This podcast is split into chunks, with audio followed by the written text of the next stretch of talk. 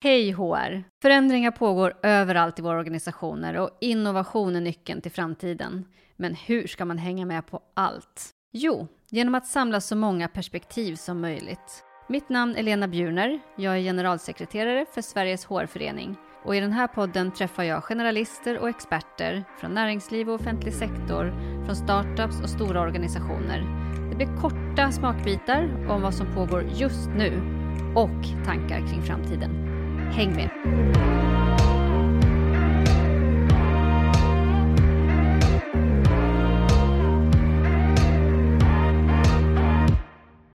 Hej! Hallå Annette! Hej Lena!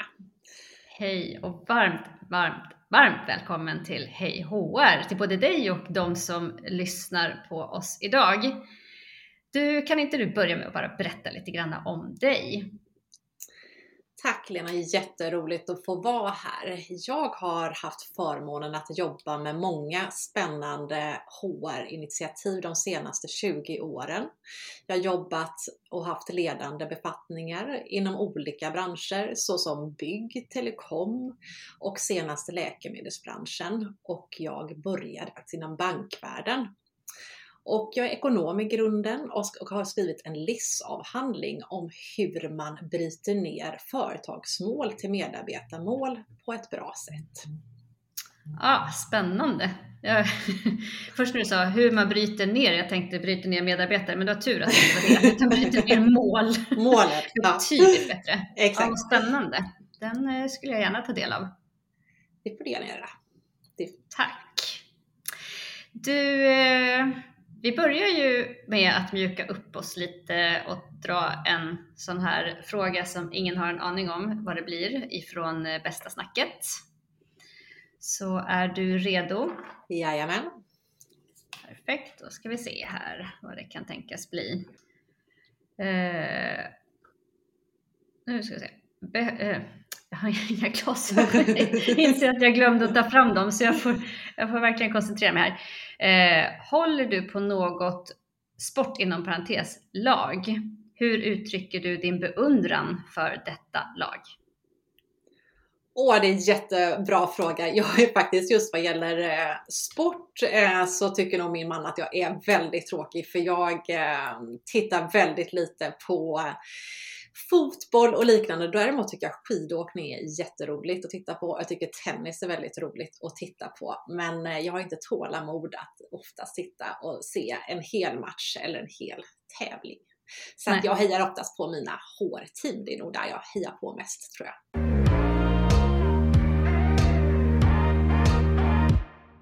Jag tänkte vi skulle gå in på lite mer kring vad som händer just nu och vad du har eh, längst fram i tankarna. Vad, vad är dina tankar kring HR nu med den breda erfarenhet som du har med dig?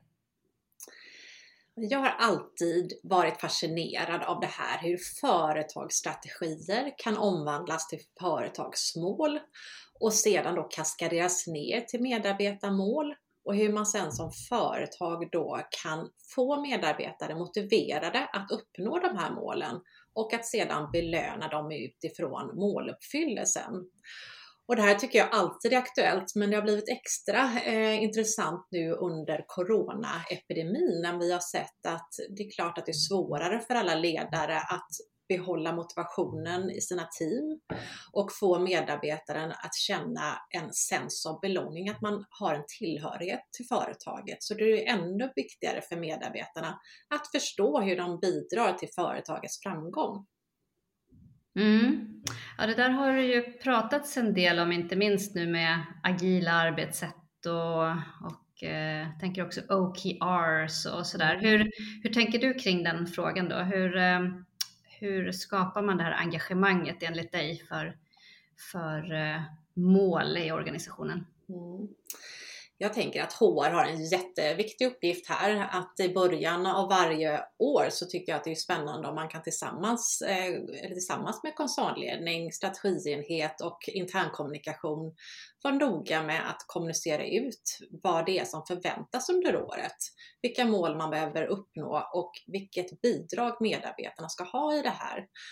Och det här då kan göras genom olika webinars, har jag varit med om, att man har workshops eh, och att man också förklarar syftet med varför man ska göra de här sakerna. Och vi har ju pratat lite tidigare Lena om det här med liksom yttre och inre motivation. Alla känner nog till det, men inre motivation är just det här att man så gärna som medarbetare vill förstå det högre syftet, att man vill bidra till någonting som känns meningsfullt.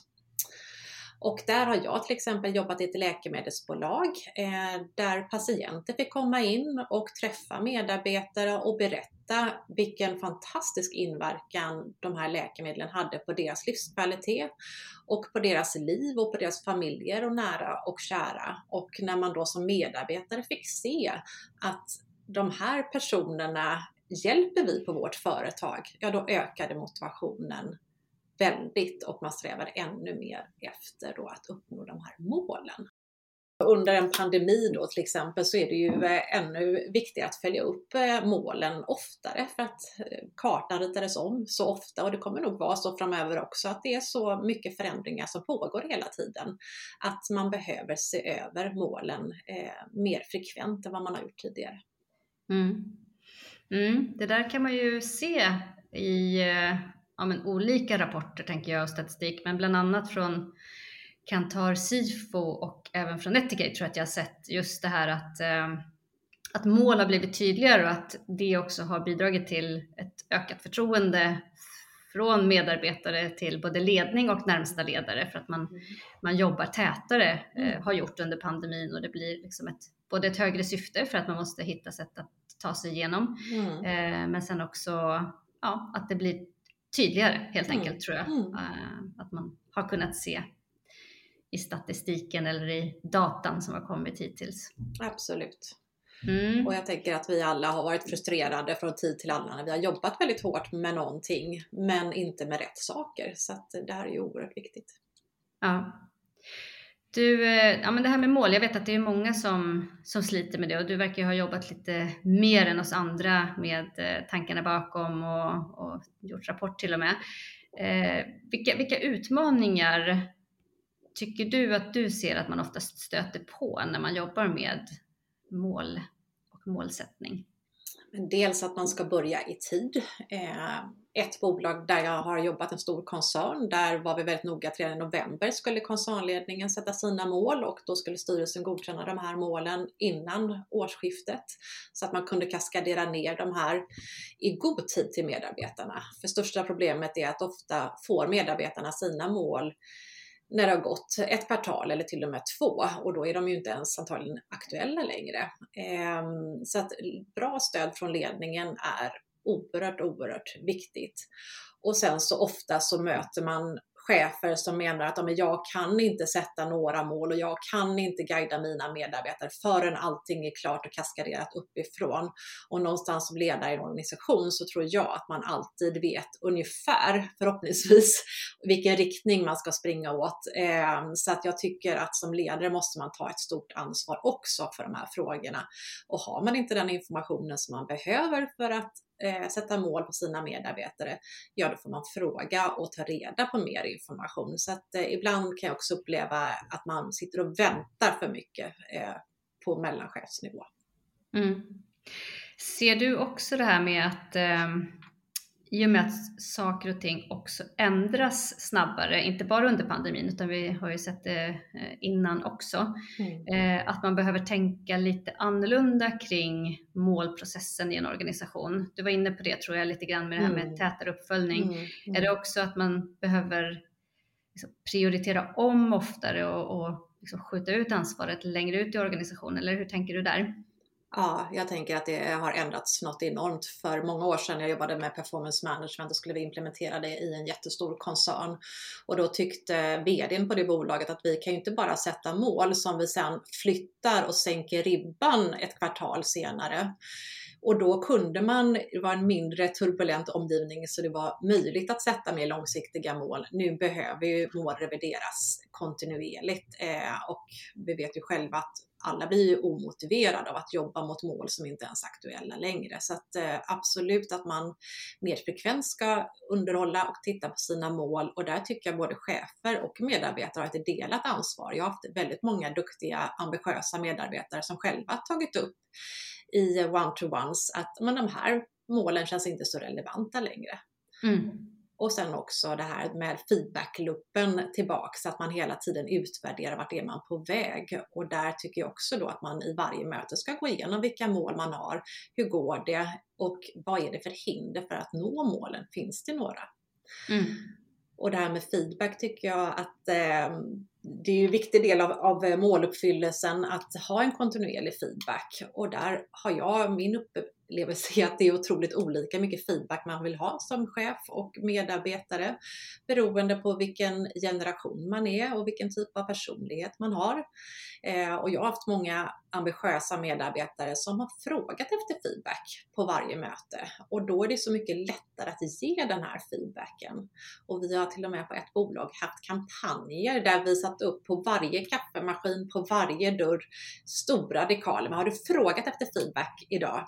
Bara för att få upp det här tänket om att hur ska våra medarbetare veta om de är på rätt väg mot måluppfyllelsen om vi inte ger dem feedback? Mm, där är du och jag helt eniga. Jag har också varit med om att verkligen drivit eh, den vägen att man börjar med att be om feedback och även som ledare att alltid be om feedback för då skapar det så mycket mer ringar på vattnet och att det blir lättare att både ge och för andra att be om mm. feedback. Så mm. jag tror verkligen att det är nyckeln till att få igång en feedbackkultur. Mm. Håller med. Jag tänkte på ett annat sak när det gäller det här med mål och det är ju, eh, vi var inne på det med agilt arbete och även innovation som ju också kopplas väldigt mycket till liksom feedback och att man får det här att hända. Hur ser du kring att på ett bra sätt få ihop liksom en strategisk målsättning och få mål ut i organisationen men sen samtidigt bibehålla det innovativa, att det händer liksom, eh, saker som kanske då är lite utanför det här målet men det kanske är det rätta vägen framåt eller man behöver lyfta och få in eh, nya vinklar och insikter och kanske prioritera om. Har du någon, någon mm. sån tanke kring hur, hur man ska tänka där? Jag tycker det är en jätteintressant eh, fråga Lena, för det måste ju självklart hänga ihop. Och jag tänker att man kan ha många mål som Eh, är direkt relaterad till innovation. Jag har jobbat i rd täta verksamheter där många av målen har direkt koppling till innovation. Och inom HR så har jag ofta haft mål att under eh, det här året vill jag att ni kommer med minst fyra produktförbättringar vad gäller den här processen. Eh, så att jag tycker absolut att det behöver vara en, en stark koppling däremellan. Så jag tycker inte man ska vara rädd för att ha mål som syftar till ökad innovation, utan det bör ju alla mål i slutändan göra faktiskt. Mm, mm. Ja, men det, jag tänker det också. Och, eh, och den här viktiga delen att man inte heller hamnar, bara för att man tar ut företagets mål i organisationen, att man hamnar i stuprör, utan att man försöker då bygga in att det blir eh, crossfunktionella mål och mm. sånt som löper på andra, eh, på andra sätt i organisationen än bara rakt ner i, i ett stuprör så att säga. Absolut. Och sen är det viktigt det här både med vadet, vad som ska uppnås och hur det ska uppnås. Och eh, vill man gynna innovation, då gäller det ju att man gynnar och uppmuntrar de beteenden som leder till innovation. Eh, och att man letar efter de beteendena i allt från rekrytering till eh, utvecklingsplaner till att man belönar den typen av beteenden också. Precis.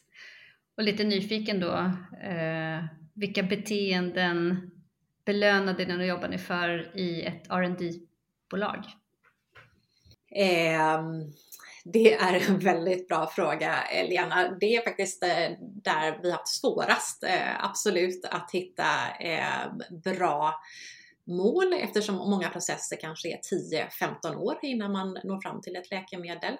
Men beteenden är ju liksom absolut att det är nyfikenhet, att man provar nya vägar, att man samarbetar bra med interna och externa partners och att man hela tiden jobbar mot ett slutmål som eh, är då att en produkt ska komma ut på marknaden och kommersialiseras och nå patienten.